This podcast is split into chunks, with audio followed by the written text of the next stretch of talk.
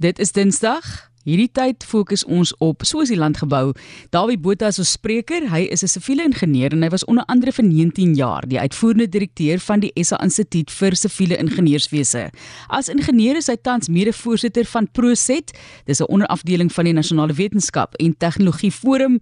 En hy sê dit bietjie reën gehad, maar ons gaan nou ver weg van waar hy is, Richards Bay to Mzingazi Waterwerke, Catalinas en die krokodille. Baie welkom Dawie. Baie dankie Matelies. Heerlik om jou hier te hê. Ai, met ons krokodille praat vandag in die in die bouproses. ja, jy moet oppas vir 'n krokodil hoor. Hy lê en loer vir jou en jy sien hom nie altyd raak nie. Ek sal 'n bietjie later weer daaroor ook praat. Richards Bay is 'n spesiale wêreld of deel van ons land spesifiek. Mens dink is nogal eintlik ja. baie divers in terme van wat alles al in Richards Bay plaasgevind het en wat dit gebied het vir Suid-Afrika absoluut Matelies en dit was vir my en my uh jare as ontwikkeling as ingenieur was dit uh 'n groot leerskool hoor want daar het jy mens bedoeling gekry met allerlei dinge wat ek nooit op universiteit uit die aard van die saak uh oor geleer het nie. So dit was 'n dit was 'n interessante tyd van ons ons lewe daarin. Ehm um, ek wil net uh, so begin om te sê jy weet soos die land gebou is is so bietjie soos 'n groot legkaart wat 'n ou bekyk daar's duisende stukkies. En aan die ander kant dink ek is dit 'n groot weefwerk of sal mens sê 'n tapisserie. Voorsien jy mooi prentjie, maar agters is al hierdie draadjies aan mekaar verbind. So dit is nogal dit is nogal iets wat ons van tyd tot tyd uh moet oordink. Ek was uh, verlede week in Johannesburg vir die begrafnis van een van ons oud presidente, Johan de Koker. En toe het ek nou maar net weer verstom gestaan dat 'n stad soos daardie kan werk. En al al die huise het water, hopelik, elektrisiteit en daar stormwater in strate. So alles is een groot groot legkaart om dit so te stel. En ja, ons het al oor iets baie se dinge gesels, maar ek wil net so 'n bietjie 'n ander hoek vertel. Ons is verlede week uh via van Renen uh, pad langs see toe en vandag onder andere langs onder andere kan ons luglands lug langs die see toe gaan. En ons verblyf vir iets is baie. Dit was 82 tot 88 was vol avontuur en die dorp is en soos jy gesê het uniek in baie opsigte. Een voorbeeld is dat die voorstede se name klink nogal uh, of dit kan sing. Daar's name soos Merensee, Veldenvlei, Arboretum wat beteken 'n tuin van bome, Brackenham wat iets met plante doen het, wild en weide, birdswood, aquadine en nog meer. Nou die straatname is op hulle beurt weer toepaslik vir elke dorpsgebied. So byvoorbeeld is in Merensee is daar 'n Poppers Passage, Pinkie Pool, Elweboog, Krewelkring, Galjoengolf, Branders Gully en so aan. En dan die straatnaamborde is ook uniek want hierdie borde is is groter as die gewone straatnaamborde en op die borde is daar dan sketse van die verskillende visse en see diere wat benoem is. Dis nou in Merensee. Nou een van die uitbreidings van Merensee het vir ons as ingenieursafdeling groot pret besorg want ons moes toe nou straatname uitdink. So ons het die personeel bymekaar gekry en ons het begin uh, rondspeel met met met visse en see diere om om dit nou te kies vir die straatname daar. Nou ja, wie sou nou sê uh, siviele ingenieurs raak betrokke met sulke dinge? Nou die meer daar in Merensee, uh is die Msingasi meer. Nou hierdie storie, ons het al 'n rukkie terug ook daaroor gepraat, begin in die ystydperke toe die see so 60 meter onder sy huidige vlak was. En toe was daar natuurlik die Mshlatuzi rivier se vallei, dis nou waar die hawe ingebou is, was net so diep soos soos wat die seevlak daar in tyd natuurlik en opsig van die omliggende land natuurlik. En daar was ook 'n syvallei en toe die ystee begin smelt, toe vul die riviervallei op met sand en modder en toe ontstaan die Msingasi meer in een van hierdie syvalleie. En dit bly tog verbind met die met die see met 'n klein riviertjie. Nou die varswatermeer wat so ontstaan het, se bodem is so wat 14 meter onder seevlak. Dis nogal aansienlik. Maar in daai proses het daar baie unieke dinge gebeur, so see diere wat met die tyd moes aanpas van soutwater na varswater, want hulle is toe nou daar vasgekeer gewees. En toe die water vars genoeg was, het die krokodille en die see ook aangetrek. Nou voordat hierdie hawe gebou is, en al hierdie nywerhede gevestig is, het die WNR groot studies gedoen en dis werklik pragtig gedokumenteer. En een van my lekker leestake as adjunkstaatsingenieur was om hierdie studies te lees en te verstaan hoe die natuur en die omgewingsdinge daar werk en saamwerk. En dit is vir siviele ingenieur baie belangrik om om te verstaan wat sy en haar werk as pens en bootjies in die natuur wat natuurlik mense insluit. Nou die meer is uh is daar as deesdae hoofsaaklik as gevolg van grondwater wat dreineer daarvan in Tangeniese kant af. Die oppervlak inloop van daai meer is maar baie beperk. So dit kom meer ondergronds aan. En daarom is die water so suiwer dat ons dit met baie min moeite uit die meer kon suiwer vir menslike gebruik. Ons het dit net gefiltreer en met kloor behandel en dan was dit reeds veilig.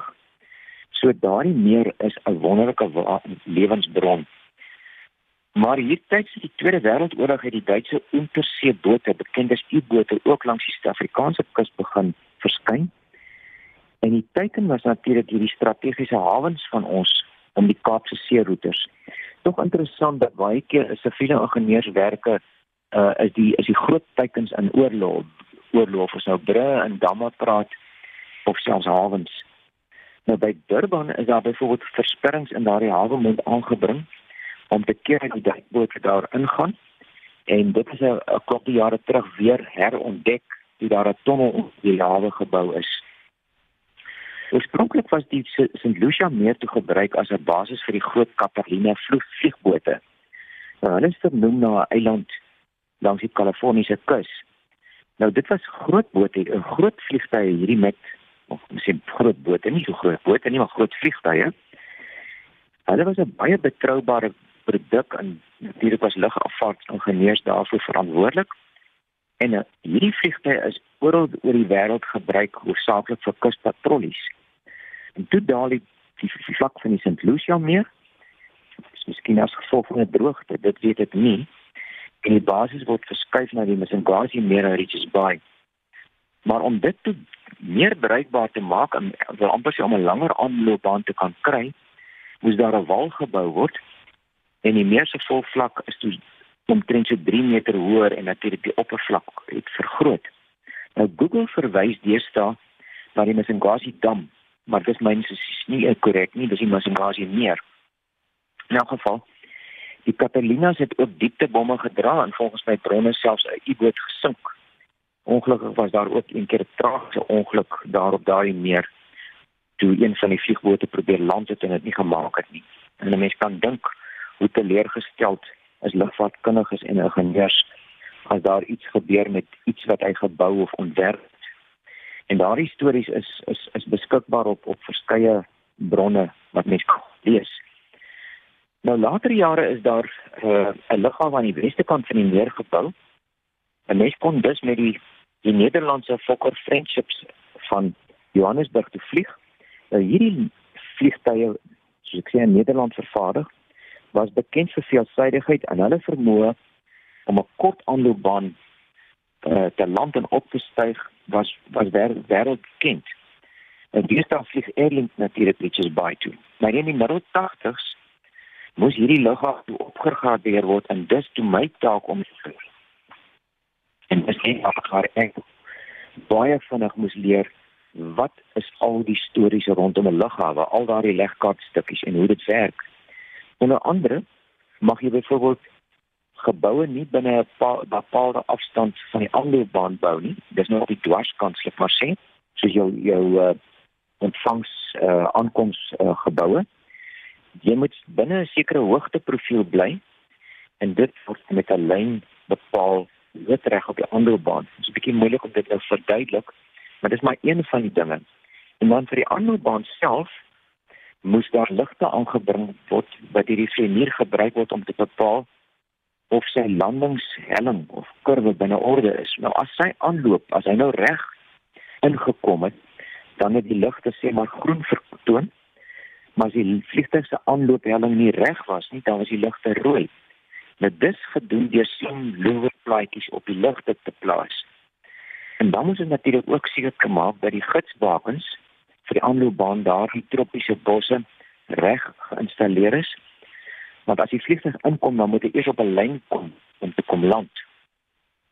Daai ontwerp van die lughawe het nou ook beteken uh eenvoudiger eenvoudiger elemente soos hoe om die, om die passasiersgeboue, die verkeersvloei, die parkering te ontwerp en vir die passasiers dit so maklik maak as moontlik. Soos byvoorbeeld, mens dink nie altyd sulke dinge nie. Waar plaas jy die motorhuurmaatskappye se toonbanke? So siviele ingenieur se werk is werklik interessant en veelsidig. Maar ek het ook die jare agtergekom. Dit beteken voortdurende studie en 'n mens moet probeer op hoogte bly met elke nuwe ontwikkeling. As daar 'n kansie vorentoe is, dan praat ons 'n bietjie oor die tropiese storm wat ons varswater toelyn, die toevoerlyn na Middelsee weggespoel het en hoe jy nou dit moes herstel te midde van krokodille en in daardie moerasagtige wêreld. So daar was groot uitdagings vir Richards Bay met infrastruktuur wat ons moet bou. Sjoe, dankie Dawie en ek dink jy moet vir Wikipedia sê alles verkeerd oor die dam teenoor meer. Jy kan ons gaan redigeer. Jy's tog 'n kenner daarso. Dis Dawie Botha, siviele ingenieur en ons het vandag gekuier in Richards Bay